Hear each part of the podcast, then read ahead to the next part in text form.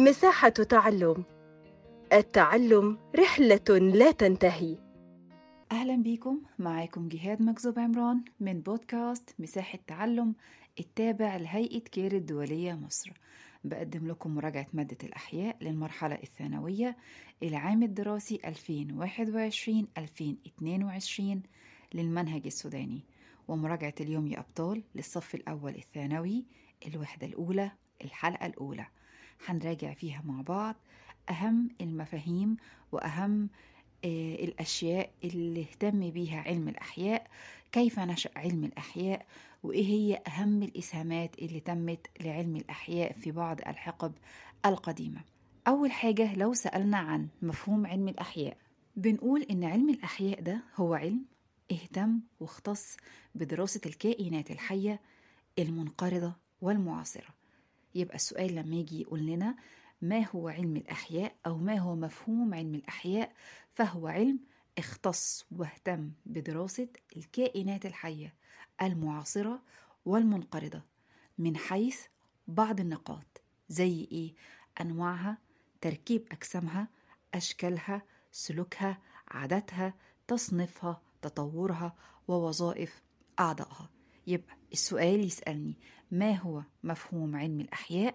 هو علم اهتم بدراسة الكائنات الحية المعاصرة والمنقرضة من حيث أنواعها أشكالها سلوكها تطورها عاداتها تصنيفها وظائف أعضائها وتركيب أجسامها. كمان أو كما اختص علم الأحياء بدراسة الصفات الوراثية وكيفية انتقالها من جيل إلى آخر. يبقى ده السؤال اللي هيسألني عن مفهوم علم الأحياء. عرفنا إيه هو الإجابة بتاعته. طيب إيه السؤال التاني اللي إحنا عايزين نعرفه؟ بيقول ماذا يصف علم الأحياء؟ علم الأحياء كان بيصف إيه بالظبط؟ والله يا أبطال الإجابة كالآتي إن علم الأحياء ده علم يصف أنشطة الكائنات الحية مصطحبا معه بعض العلوم. اهتم العلم ده إن هو يصف أنشطة الكائنات الحية. تمام؟ ما كانش لوحده. كان معاه بعض العلوم زي علم الكيمياء زي علم الطبيعة زي علم الإحصاء زي علم الرياضيات. يبقى ده السؤال التاني في حلقتنا النهاردة اللي بيقول ماذا يصف علم الأحياء؟ يصف أنشطة الكائنات الحية. تمام؟ مصطحبا معه بعض العلوم مثل علم الكيمياء علم الإحصاء علم الطبيعة بين قوسين الفيزياء علم الرياضيات. طيب السؤال الأهم؟ كيف نشأ علم الأحياء؟ يبقى إحنا كده عرفنا المفهوم. تاني حاجة عرفنا ماذا يصف علم الأحياء. تالت حاجة كيف نشأ علم الأحياء؟ العلم ده نشأ إزاي؟ بنقول الإجابة بتاعتنا إنه علم الأحياء نشأ منذ العصور القديمة عندما اهتم الإنسان بدراسة أو بالاهتمام بالحيوان والنباتات. نشأ علم الأحياء لما الإنسان القديم أو الإنسان في العصور القديمة اهتم بتربية الحيوان وزراعة النباتات. كما في نفس الوقت يعني عندما اعتمد الإنسان على النبات والحيوان في كل من مأكله ومسكنه وملبسه ودوائه دي تاني نقطة. تالت نقطة في السؤال أو تالت نقطة في الإجابة بتقول عندما استأنس الإنسان النبات والحيوان. يبقى كده لغاية دلوقتي قايلين تلات نقط. أول نقطة عندما بدأ الإنسان بالاهتمام بالحيوان والنبات. اتنين عندما اعتمد الإنسان على الحيوان والنبات في مأكله ومسكنه وملبسه وصناعة دوائه. تلاتة عندما استأنس الإنسان الحيوان والنبات. أربعة عندما درس الإنسان النباتات المختلفة وحصل منها على الدواء والغذاء.